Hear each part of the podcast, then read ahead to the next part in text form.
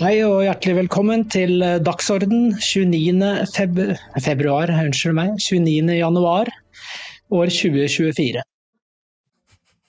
I dag har jeg med meg Kristian Skau fra Baris, og velkommen Kristian.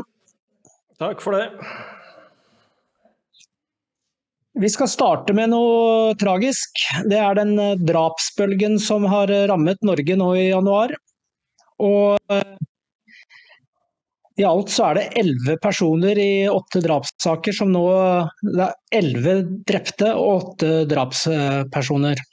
Eller drapsmenn, da. Og det siste drapet var jo det som skjedde oppe på Grue med hun Hynne.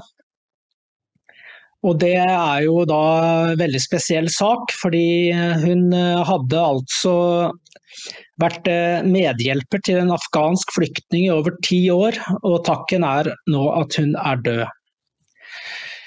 Og nå skal vi vise et klipp som hun overraskende nok la ut på sin Facebook-side dagen før hun ble drept.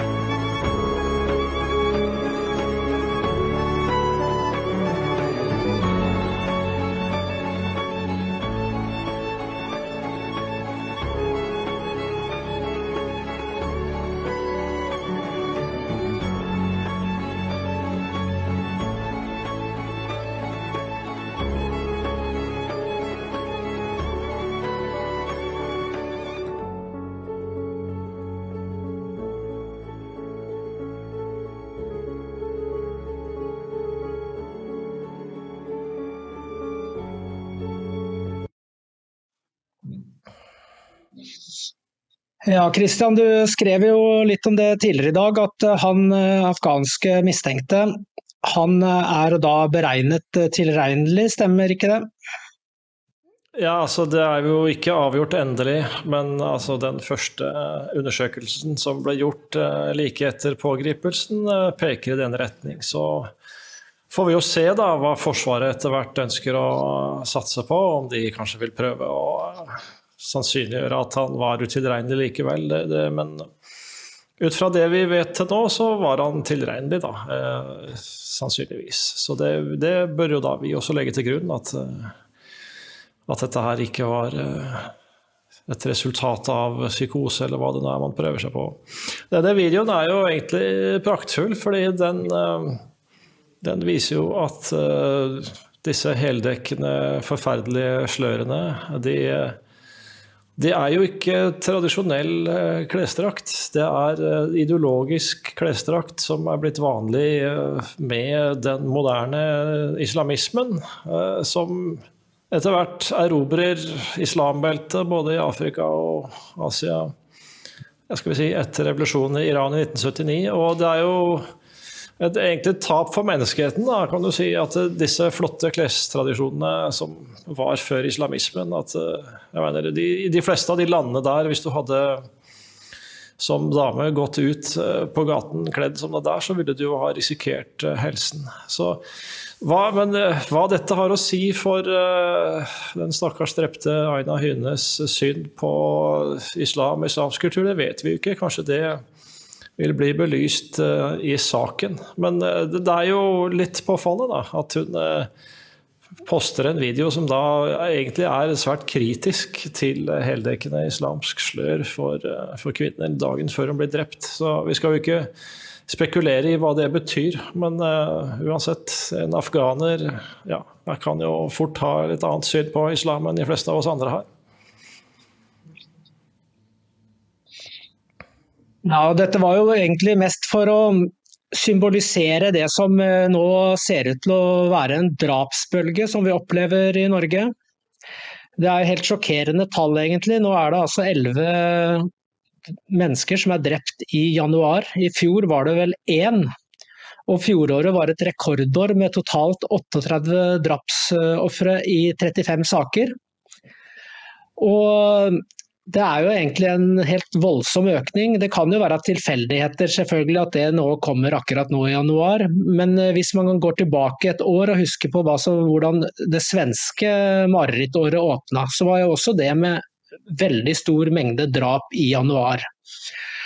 Så spørsmålet er liksom eh, Skal vi begynne å forberede oss på svenske tilstander her? Er vi, i, er vi i det samme sporet? Ja, det er klart vi må det. Det er jo så mange ting som peker i den retningen. Nå eh, kan vi jo ikke fastslå med noen særlig grad av sikkerhet at eh, disse drapene har så mye med innvandringsbølgen å gjøre, men altså i, når det gjelder den saken med afghaneren, så er det jo liksom ingen tvil. Altså, det, hun har jo sannsynligvis ant fred og ingen fare. ikke sant? Denne karen er født i 1992 og blir norsk statsborger i var det 2014. Da er han altså 22, er det det? Så, og man blir ikke det før det har gått hva er det, sju år, så han må jo ha kommet til Norge som 14-åring eller noe sånt. Da. Og da, jeg mener, Hun må jo ha ant fred og ingen fare, ikke sant. Så, så er det da likevel uh, dette som Øyvind Eikrem da, i sin tid sant, sa i dette intervjuet til Resett, at eh, man eh, må huske på det at kulturen i Sentral-Asia er en helt annen. Og, det, det, er jo ingen tvil om det. Altså, hvis man bryter kriminalstatistikken ned etter etnisitet, så oppdager man jo at, eh, at landene i islambeltet er grovt overrepresentert i voldskriminalitet. Så det, det bør ikke komme som en overraskelse, men dette er jo da informasjon som eh, stort sett ikke får noe særlig gjenklang i store medier, så mange går jo kanskje rundt og er mindre skeptiske enn de burde være. Eh, men jeg syns jo at de som eh, skal vi si, poserte med sin angivelig høye moral på den tiden da man hadde disse emneknaggene 50 er ikke nok, om mindreårige afghanske som skulle komme til Norge, de, de, burde kanskje tenke seg om. Eh, fordi Afghanistan er eh, altså en annen åndelig planet, der synet på kvinner og, og synet på vold og seksualitet og veldig mange andre ting, det er så forskjellig fra vårt at det er nesten ikke mulig å tenke seg det. Så, eller så til de andre sakene, denne saken i skogbygda hvor det ble drept tre, vet vi jo veldig lite om bakgrunnen for. Da. Så hvis dette da kan tilskrives eh, f.eks. familieproblemer, eh, kan man tenke seg at det blir mer familieproblemer i Norge? Ja, det kan man absolutt, det vil jeg si. Eh, det er, det er ikke så mye si, familievennlige tegn i tida, så vidt jeg kan skjønne. i hvert fall. Det med innvandrerandelen det undersøkte jeg i 2020. Og da gikk jeg gjennom alle tallene fra det var i perioden 2007 til 2016, altså en tiårsperiode.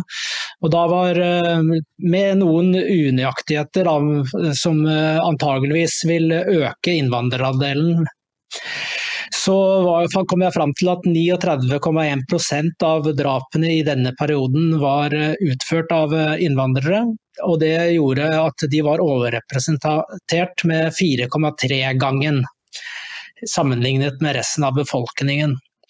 Og når du da kommer til en situasjon hvor innvandrerandelen begynner å bli såpass stor, så jo dette her, gjør jo dette utslag. Og det har vært flere av de drapene som har vært eh, i januar som har vært tilknyttet innvandrere, bl.a. disse to stakkars damene som ikke hadde voldsalarm eller skikkelig voldsalarm. Den ene hadde vel ikke i det hele tatt, og den andre den fungerte ikke sånn som den skulle. Men uh, dette her uh, bringer oss jo direkte videre til norsk asylpolitikk, Kristian. Fordi at i alle mulige andre tilfeller, bortsett fra i, tydeligvis i klimapolitikken og i innvandringspolitikken, så skal man jo ha konsekvensanalyser. Men eh, det ser ut til å være ekstremt manglende når det gjelder asylpolitikk. Og ikke nok med det, selv når erfaringa er til stede, så skjer det jo ingenting. Hva tenker du om dette? Det er en, en, vegring mot å erkjenne den kalde, harde virkeligheten som til slutt ikke er mulig å benekte. Altså, I Tyskland så har de jo mye statistikk på dette her. Eh, Altså Nordafrikaneres eh, overrepresentasjon på voldsstatistikken, da snakker vi tigangeren, ikke sant. Og, det er ikke, og da, da, snakker vi om så store antall at den statistiske regelmessigheten er helt umulig å avfeie. Altså det er ganske enkelt uh, Du vet på forhånd at hvis du importerer så og så mange personer fra Nord-Afrika, så vil du få omtrent så og så mye økning i voldskriminaliteten. Det, er, eh, det, kan man bare se på som et rent sosiologisk faktum. Altså det er, dette her er mye sikrere forskning enn klimaforskning. Altså. Det, til tross for at samfunnsfag ofte har en del metodologiske problemer. Men det, er, det, er, ingen tvil om at en liberal asylpolitikk uh, er ensbetydende med import av en hel masse problemer. Økonomiske, sosiale det, og det jeg mener Tiden er overmoden for at et eller annet land som har selvoppholdelsesdriften i behold, bare skroter det som finnes av internasjonale asylkonvensjoner og sier sorry, eh, nå har vi for mye problemer her, eh, takket være denne hjernedøde liberaliteten som vi har vist i 50 år. Nå er det slutt på moroa. Du kan jo vise det bildet av norsk eh, innvandrerandel som jeg har eh, gitt dere, eh, til våre teknikere her. Her ser vi utviklingen siden 1970 i Norge. I 1970 så var det vel 1,5% innvandrere i Norge, og nå har vi per dags dato så har vi nok passert 20 eh, fordi at dette her var jo ved inngangen til år 2023, og da var det på 19,9% hvis man regner med innvandrere og de som er eh, barn som er født i Norge med to innvandrerforeldre. Så det er jo altså, begynner å nærme seg en femtedel av befolkningen, og det er klart at da har statistikker en betydning totalt sett. Nå er jo riktignok en god del av disse innvandrerne også europeere, det må jo nevnes da. Og du ser at uh, Det er en annen statistikk som ikke har bilde her, men som viser at uh, nettoinnvandringen var på ca. 57 000 i 2023. Total innvandring på 90 000. Men det er jo noen som flytter ut òg. Men det er vel ikke så veldig mange som flytter ut til Afghanistan og Somalia. Det er vel heller, Nå vet vi at polakker flytter ut i ganske stor grad. Og så er det en del nordmenn som flytter ut av Norge. Så dette forsterker jo bare effekten. Og De kaller det altså det som har vært slagordet til spesielt Arbeiderpartiet da, i så mange år, det er at de fører en streng, men rettferdig asylpolitikk. Og Her føles det jo som at de er strenge i den eh, formen at de reagerer kraftig på de som protesterer. De behandles strengt. Og rettferdig, det har ingenting med hva som er rettferdig for oss opprinnelig befolkning å gjøre. Kristian? Nei, altså, Alt som har å gjøre med sannhet på det saksfeltet her, er jo avviklet. Eh, altså, du, kan, du, kan, si nesten hva som helst uh, om norsk uh, asylpolitikk uh, og situasjonen på innvandringsfeltet, bortsett fra sannheten. Du, kan, du kan, servere det aller mest groteske tøv i, i favør av den innvandringspolitikken som har vært, men ikke gjøre vareopptelling over hva slags sosial og økonomisk katastrofe dette har vært. Altså, husk hvordan det gikk med med de to journalistene i Finansavisen som lagde innvandringsregnskapet i 2013. Uh, Ole Asbjørn Næss og Kjell Erik Eilertsen. De er ikke journalister i dag. Okay? De, de, betalte uh, Vi vet jo ikke så mye om dette, men uh, det er en høy personlig pris for å ha formidlet den typen forskning. De burde jo hatt medalje, begge to. ikke sant? Det er det stikk motsatte som har skjedd. Så det er klart, Dette er jo, dette er jo skremmende for, for enhver som ser at lokalsamfunn etter lokalsamfunn blir ødelagt. At uh, prisen for å ta til motmæle er altså selv å bli hengt ut som den store skurken. Så dette er uh, Altså, vi lever i et Stockholm-syndrom, egentlig, der, der, gislene har eh, begynt å ta, få sympati med, med, gisseltakerne. Så det er jo et sosialpsykologisk fenomen som uh, burde påkalle en uh, ja, kollektiv uh, nasjonal terapeut. Jeg vet ikke hvor vedkommende er å finne, men hvis noen har et tips, så må, må de si fra. Altså. Ja, Det er jo litt morsomt òg når de f.eks. beskylder enkelte ja, la oss si dokument da, for å være høyreekstreme. Hvorfor det, spør man eh, gjerne da. Jo, fordi at de er innvandringskritiske. Så hvis man da er kritisk til å uh, Altså en femtedel av befolkningen på noen få tiår, det er jo, helt, det er jo kjempedramatisk. Så det er jo ikke akkurat uh, ekstremistisk å reagere slik. Og jeg husker en gang for noen år tilbake, jeg kommer aldri til å glemme det, da sto det i VG at uh, flesteparten av europeere er ekstremister. Fordi at et flertall av europeere sa, sa at, at, det var for, mange, for mye innvandring. og da var Flertallet av europeere er ekstremister. Men det er jo de ja, så... som fører denne politikken her som er ekstreme? Er de reelle, ja, som er de reelle ekstremistene. Altså, du, du, har arvet et velfungerende samfunn, og så lar du det ligge i rykende reviner etterpå. Det er du som er uh, skurken her. Altså, Donald Trump sa det jo rett ut i 2016, var det vel. Uh, altså, hun sa jo at, uh, at Angela Merkel var gæren. Som bare satte dørene til Tyskland på vidt gap. Og han hadde jo helt rett i det også. Eh, men eh, hvis man da fastslår dette helt eh, ubestridelige faktum, så er man altså Nei.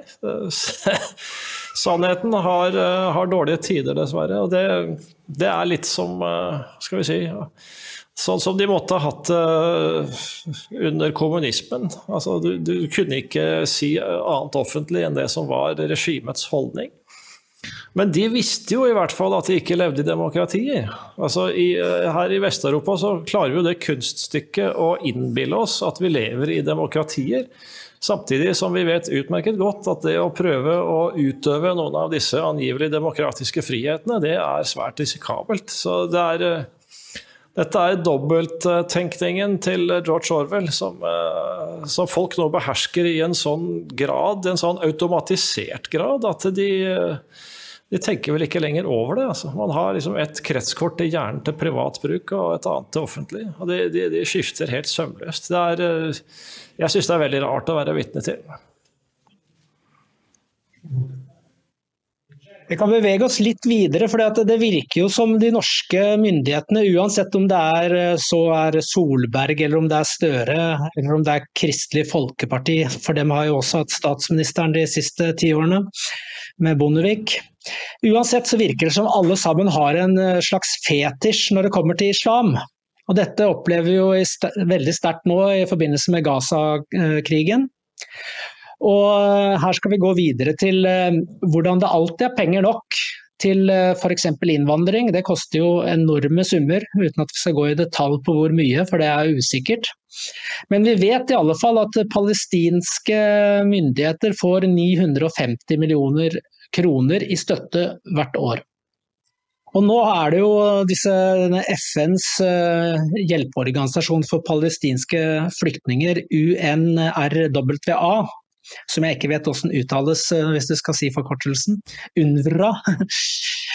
De, de, eh, opplever jo nå, etter at det ble kjent at flere av de ansatte i denne organisasjonen hadde deltatt i terrorangrepet den 7.10, så er jo nå en hel eh, rekke land som har stanset sin støtte til, eh, til dette her.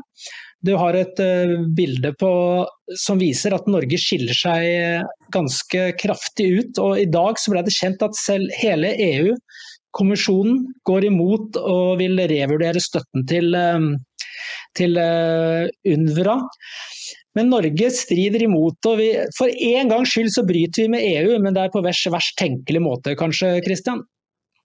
Ja, ja, absolutt. Altså, det, er, det, er, så mye man kunne tatt til motmæle mot hva gjelder EU-politikk. Jeg vet nesten ikke hvor jeg skal begynne. Men uh, en uh, ubehagelig overraskelse som mange vil få hvis ting fortsetter som nå, da, det er jo dette bygningsdirektivet. hvor uh, hvor man vil bli tvunget til uh, forferdelige dyre oppussinger av sine egne boliger for at de skal slippe ut mindre CO2.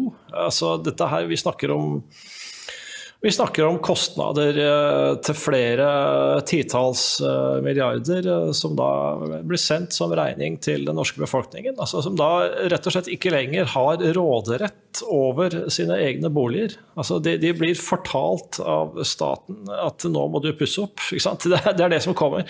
Dette kunne man tatt til motmæle mot. Uh, Sylvi Listhaug som sier at hun ikke vil uh, at Norge skal inn i EU. Hun burde jo brukt mye mer av sin politiske energi så vidt jeg kan skjønne, på å vise hva som faktisk blir pålagt oss også som EØS-medlemmer. Men her så er det altså Da er det motstand. Altså palestinismen er da faktisk enda viktigere enn underkastelsen overfor EU. Og det, det vil jeg si bekrefter min tidligere påstand om at eh, det finnes en palestinsk stat, og den heter Norge. Eh, og da eh, det, det, altså det at medlemmer av denne FN-organisasjonen var med på Hamas sitt terrorangrep, det, det overgår jo selv liksom, den verste fantasien. Altså, alle må jo skjønne at, at denne organisasjonen, som har, har, drevet eh, skoler i de palestinske områdene i lang, lang tid, eh, de må jo ha sett på, på nært hold hva slags, hva slags hat eh, og, og indoktrinering som pågår. Og, og, de må jo ha kunnet levd veldig greit med det, siden de ikke har tatt motmæle mot det. I hvert fall ikke offentlig. Så de, da, de, de, må jo da ha vært uh, buddies med Hamas på en eller annen måte. Uh, ikke sant? Men så har de jo da ikke bare vært buddies eller hatt en slags samforståelse, de har vært med i Hamas selv.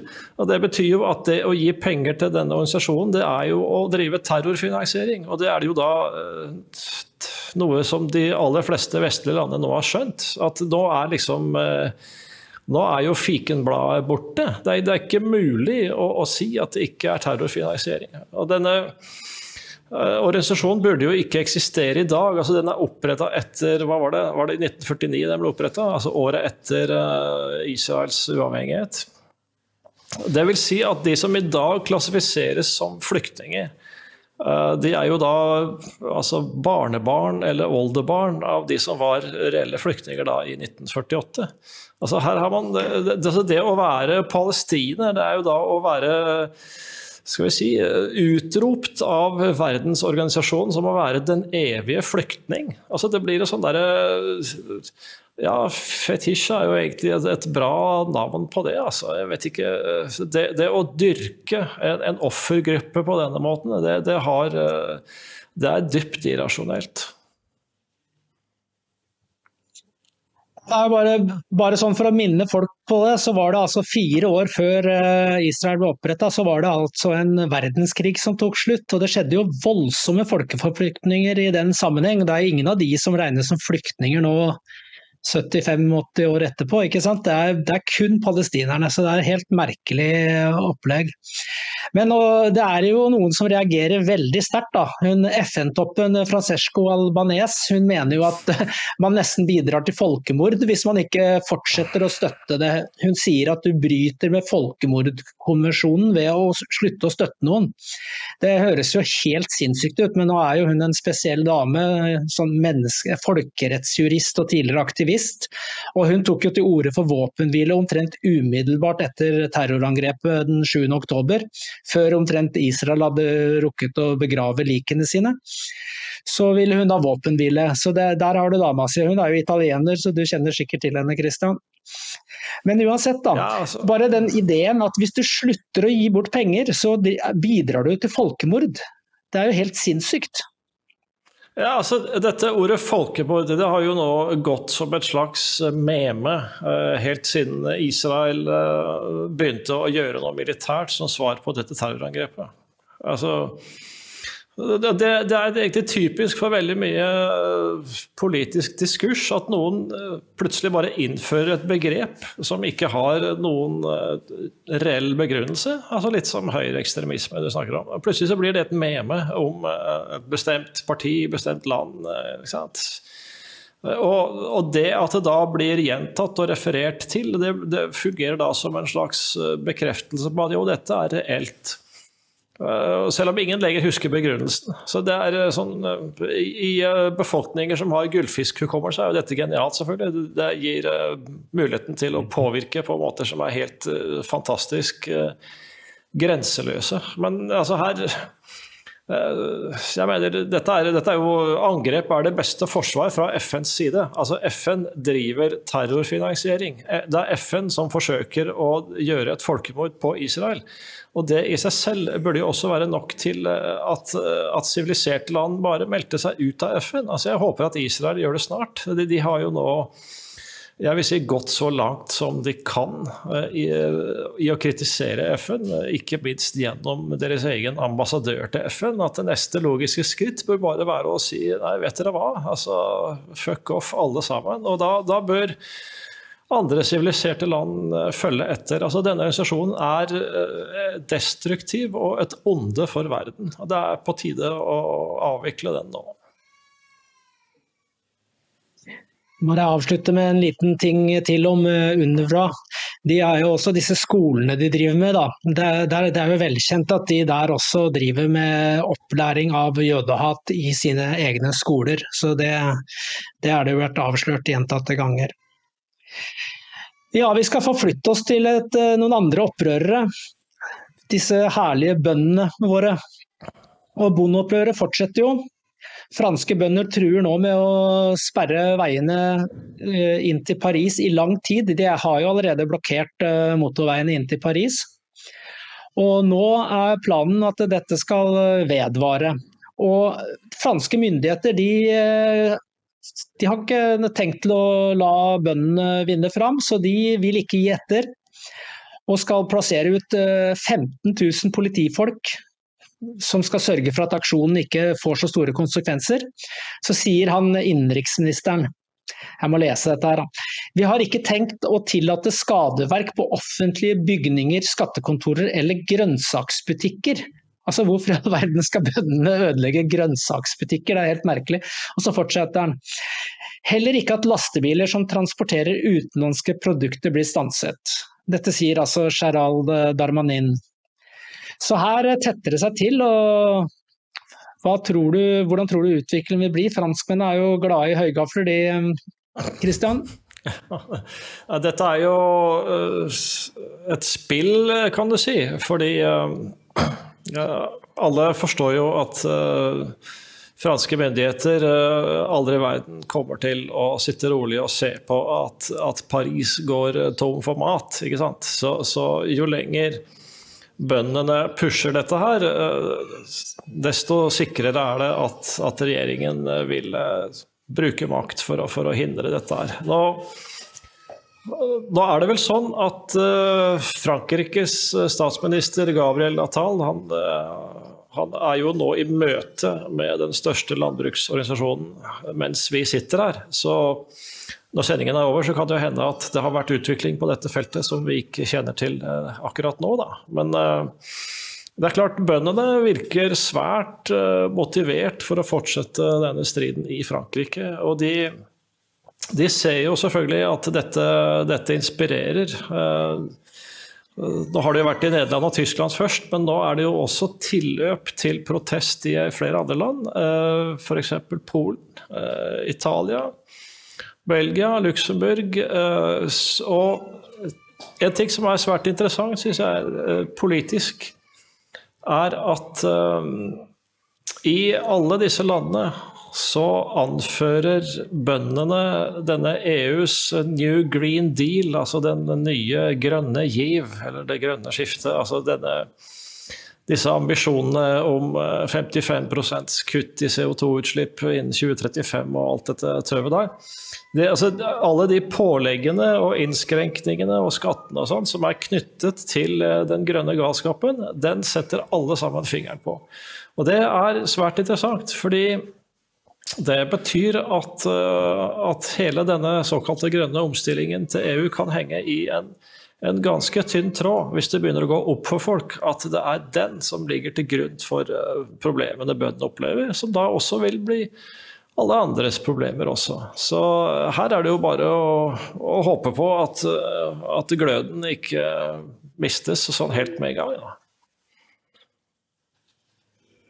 Ja, Det er jo bl.a. det bygningsdirektivet du nevnte. Det vil jo gå direkte på absolutt alle boligeiere i hele Europa. Nå er det jo litt eh, ulikt fra land til land hvor mange som eier bolig, men sånn som i Italia så har dere jo veldig mange eldre boliger som hvis de ikke er verna, så må de jo gjennom dette systemet.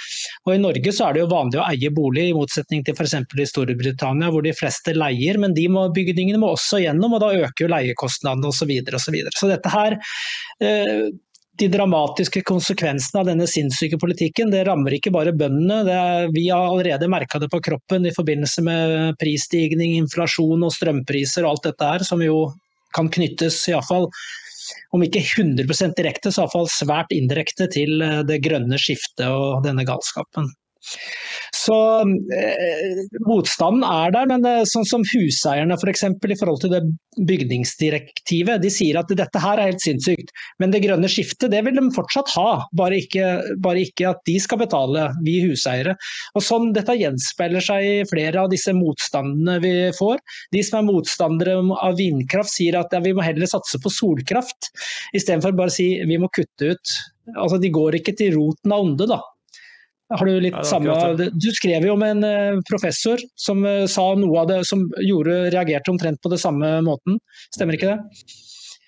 Jo, altså uh, Italiensk økonom som siden har gjort akademisk karriere vesten rundt. altså Gjesteprofessor ved Berkeley og altså ja, det, men, men langt oppe i årene, da. Som sier at uh, politikerne bør fortelle folk hva dette her egentlig koster. Men det vil jo være politisk galskap å gjøre det, for da vil jo folk se altså, hva slags ran det er som er i ferd med å skje her.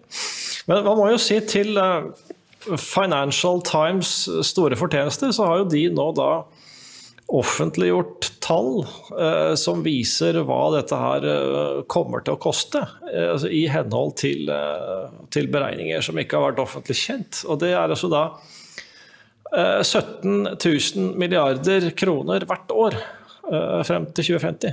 Det, det, er, det, er, det er så mye penger at det er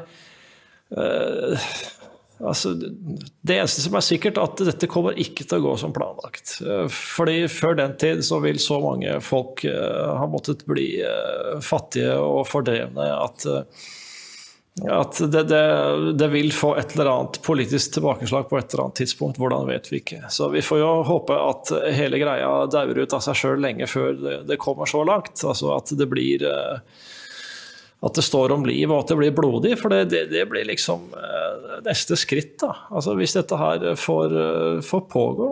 Det har vært, dette har jo vært sammenligna liksom, med det store spranget i Kina, da flere titalls millioner døde. Og det, jeg syns ikke det er noen ueffen sammenligning. Det er ideologiske, grandiose prosjekter uh, som ikke er basert på, på rasjonelle kalkyler, som da plutselig skal tres ned over hodene på en, en, befolkning som er, blitt ført bak lyset, som ikke har hatt noe som helst innflytelse på, på disse beslutningene. Og det ja, fremdeles i det som skulle være demokratiske land. Hele ordet demokrati er jo snart bare noe du kan le av. Ja, når du sammenligner med Kina, så kan man jo si at rødegardistene er jo allerede i gatene. I forbindelse med de verste, da, sånn som Extinction Rebellion og disse Just Stop Oil og osv.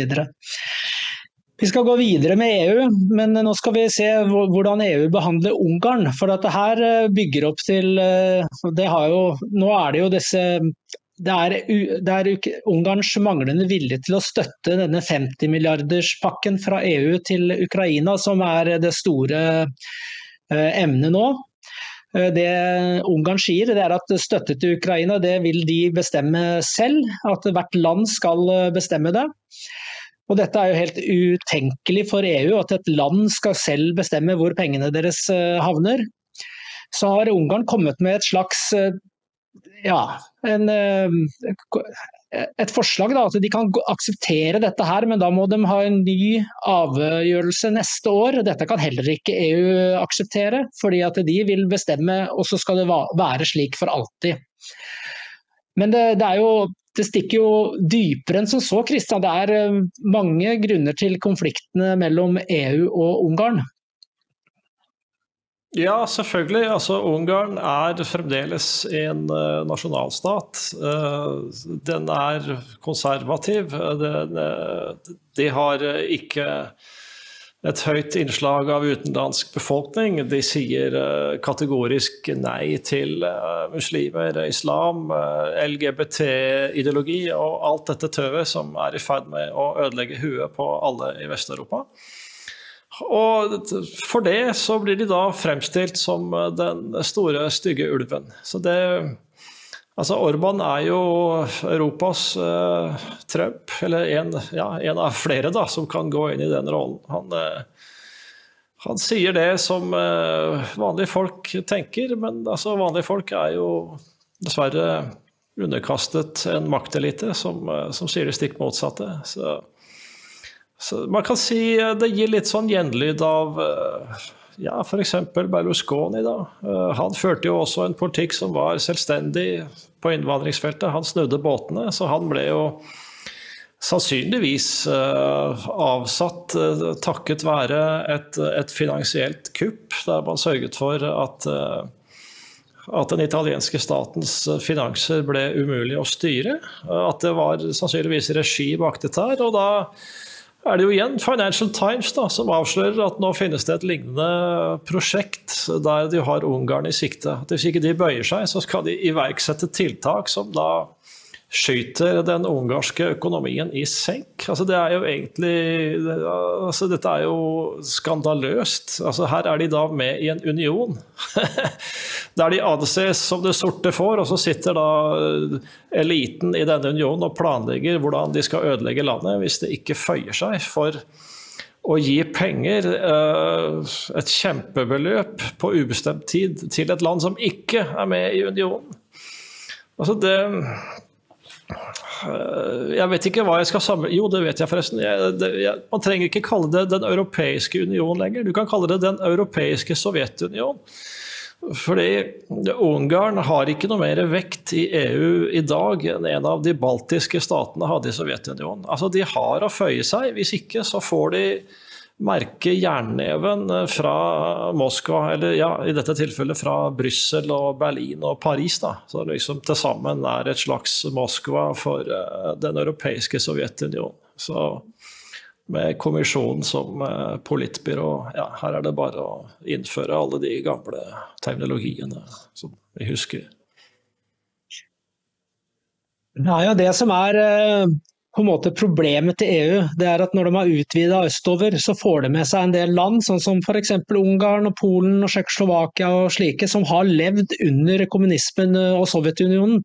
Så de kjenner lusa på gangen, og de gjenkjenner det som skjer i EU med det de opplevde under, eh, under kommunistisk eh, styre. Og man må jo, Det er helt glemt, ikke sant? sånne ting som at Orban han var jo en av de som sto opp som ung eh, mann mot Sovjetunionen og mot Moskva, med stort mot. Og Derfor ble han jo også en folkehelt i Ungarn. som han, eh, som, Den er nok falment litt nå, men allikevel, det, det, var jo starten på hans politiske karriere. Å gjøre motstand mot uh, tyrannene fra Moskva. Det er det nesten ingen som nevner det. Det er bare det at han uh, ikke vil føye seg etter en, en ny overmakt. da. Det, det, er ingen som, det, det er ingen som nevner det. Kristian, har de ikke det? Ja, det, De vet det ikke. ikke sant? Det er det, altså det er, eh, det er hvem, hvor mange er det som kjenner Ungarns historie i etterkrigstiden og, og, og fram til i dag? Altså, la oss rekapitulere. da. I 1989 så er altså Viktor Orban en eh, student i 20-årene. Og han holder da en tale som studentleder hvor han uh, taler Sovjetunionen midt imot og forlanger at de trekker seg tilbake fra Ungarn. Og dette her er før, altså, før Sovjetunionen går i oppløsning. Uh, altså det, er, det er tegn til oppmykning. ikke sant? Uh, Berlinmuren nærmer seg slutten og alt dette her. Men dette her er da i en historisk ekstremt dramatisk periode. Og han holder den talen. og de som eh, kjenner eh, historien om 1956-oppstanden i Ungarn, de vil jo da vite at den talen var et ekko av talen som ble holdt av uh, Ungarns daværende statsminister Imre Nagy. Han sa også at Sovjetunionen måtte trekke sine styrker tilbake. Og, det, det, lot de som de gjorde før de kom tilbake og med stridsvogner og fikk uh, dømt Naji til døden i en prosess etterpå. Så man kan jo, hvis man skal være litt dristig, så kan man sammenligne det EU gjør med Ungarn i dag, med det Sovjetunionen gjorde med Ungarn i 1956.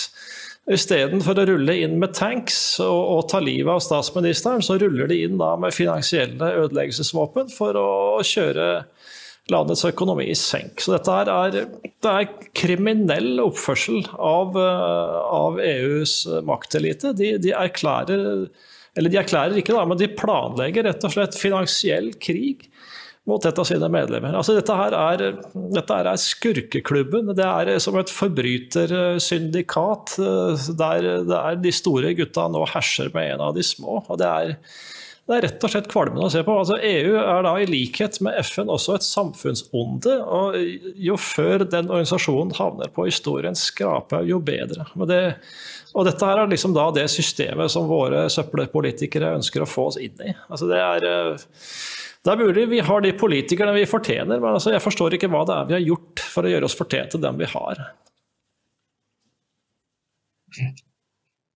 Er, eh, jeg skal nevne to ting. Det, det, som er litt interessant nå, det er jo at Biden-regimet begynner å slenge seg på denne fiendskapen overfor Ungarn. og Det var jo også Financial Times som skrev om dette, her, at ambassadøren har kommet med noen eh, kraftsalver.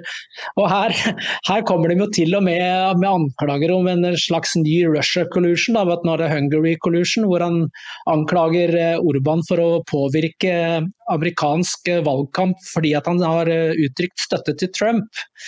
Men altså, hele verden uttrykker jo støtte til Biden, men det er ikke noe problem. Men at det er én ja. i et lite land midt i Europa som sier Det er bare sånn Man blir helt satt ut av eh, idiotien. Um, og så vil jeg også nevne at jeg har en onkel som rømte i 1956 uh, fra Ungarn, så jeg kjenner godt til den historien. Han var 16 år gammel og så ikke sine foreldre igjen på mange tiår. Så det, ganske, det, var ganske dramatiske ting som uh, foregikk uh, den gangen. Ja, det Men har vi noe håp altså, når det gjelder jeg tenkte bare skulle, altså, bare for å fylle ut, da. Eh, altså, en av de som har uh, uttalt seg i Trumps disfavør i EU-eliten, er jo da den europeiske sentralbanksjefen, uh, altså Christine Lagarde. Uh, og, og, hun får ikke noe kritikk for det. altså, hva tror du ville ha skjedd hvis, la oss si, den amerikanske sentralbanksjefen hadde gått ut og sagt at i Tyskland så bør folk stemme på, på AFD? Det, det, hadde himmel og jord blitt satt i bevegelse, og det, hadde, det, hadde, vært en kjempeskandale. Men at Lagarde da gjør noe tilsvarende, det er, liksom, er helt i orden. Det er ikke kritikkverdig i det hele tatt. Så, så er, eh, man, man, må forstå hvilke ekstreme dobbeltstandarder som er ute og går. Og det at eh, den globalistiske siden alltid kritiserer andre for det de selv er skyldig. Det, det er systematisk. Det, det, er nesten ikke unntak. Så dette må man huske på. Altså. Det er en massiv projisering som foregår. og Jeg kom også til å huske på Obama som besøkte eh, London eh, rett før brexit-avstemninga og kom med en sterk eh, anbefaling om å stemme for at de fortsatt skulle bli i EU. Da. Det er jo en direkte innblanding i en meget stor politisk sak det var, det, det var, jo noen som reagerte i Storbritannia, spesielt da brexit-tilhengerne reagerte jo, men det var jo ikke noe stor reaksjon i det politiske miljøet ellers i Europa. De var vel stort sett fornøyde. Og så var det Obama, han var jo untouchable. Vel, vel, sånn er det. Sånn foregår det, og det er den verden vi lever i. Og vi får bare holde på med å kritisere det. Det er på en måte vår rolle Christian, å kritisere og peke på ting som eh, foregår. Og så må vanlige folk må begynne å forstå hvor dramatiske tider vi lever i. Selv om det ikke er Det er jo ikke en krig sånn fysisk som foregår eh, utenfor dørene våre, selv om det er krig i f.eks. Ukraina da, og i Midtøsten og slike ting. Men det foregår en mental, åndelig krig. Og har, Der er økonomien eh, brukt som eh, stormtropper, og den økonomien er så viktig, for det er den som forteller oss om vi har råd til å kjøpe mat til ungene våre eller eh, osv. Så, videre. så dette bør alle være veldig opptatt av. Så vi får vi får si at ja, det, bøndene altså, krigen, Det er en positiv Krigen går tvers gjennom hjernen på oss alle sammen. Det er det som er så historisk nytt med dette her. At vi Det er en propagandakrig, en, en mental krig, der vi alle sammen er ofre, egentlig. Fordi vi, vi, blir gjenstand for så mye påvirkning hver eneste dag. Og selv de som er kritisk reflekterende, kan jo ofte bli lurt. Fordi at de metodene som brukes for å, å vinne våre sinn over til den uh, riktige sida, de, de, er så subtile, så avanserte, at man må man må alltid spørre seg hvordan ble jeg forsøkt lurt i dag? Altså, man må aldri slutte å, å stille spørsmål og, og tenke kritisk. Og, og, man må aldri begynne å si at nei, uff, dette er for vanskelig, dette gidder jeg ikke, nå slår jeg på Netflix. Altså, det, er, det har aldri vært viktigere enn nå å, å, å tenke gjennom saker, altså. Ja, jeg tenkte jeg skulle prøve å avslutte med noe litt positivt. da. Bøndene er jo en uh, inspirasjon, uh, selvfølgelig. og Det er jo det har jo vært opprør, uh, altså reaksjoner i Irland og Skottland òg, som ikke du nevnte i stad. Og nå skjer det noe veldig morsomt borti USA. Der skal det visst være 700 000 truckere på vei til grensen for å protestere mot de åpne grensene. Jeg vet ikke. Det er det, er, det, tallet som nevnes av amerikanske ulike medier. da. Så da går jo minnene tilbake til eh, de heltene borte i Canada. Som jo eh, fortsatt, Noen sitter jo fortsatt fengslet uten tiltale og dom, som dere snakket om i en annen sending her. Så det er, eh, det er tegn til motstand, og det setter man jo pris på. Og hvis du ønsker å hjelpe oss til å fortsette å støtte opp om motstand mot den galskapen og det galehuset vi lever i, så er det fint om du har muligheten til å vippse oss noen kroner på 63 8941, eventuelt tegne abonnement. Så jeg tenker vi avslutter der, Kristian, hvis ikke du har noen siste ord? Nei, altså bli en uh, trucker du også. Altså, hvis det er sant at det er så mange truckere på vei til Mexico-grensa, så er det jo praktfullt. Så vi får uh, finne fram vår indre trucker alle sammen. Da vil jeg bare avslutte med å si takk til teknikerne våre og ønske alle sammen en riktig god uke. Takk for nå. Takk for nå.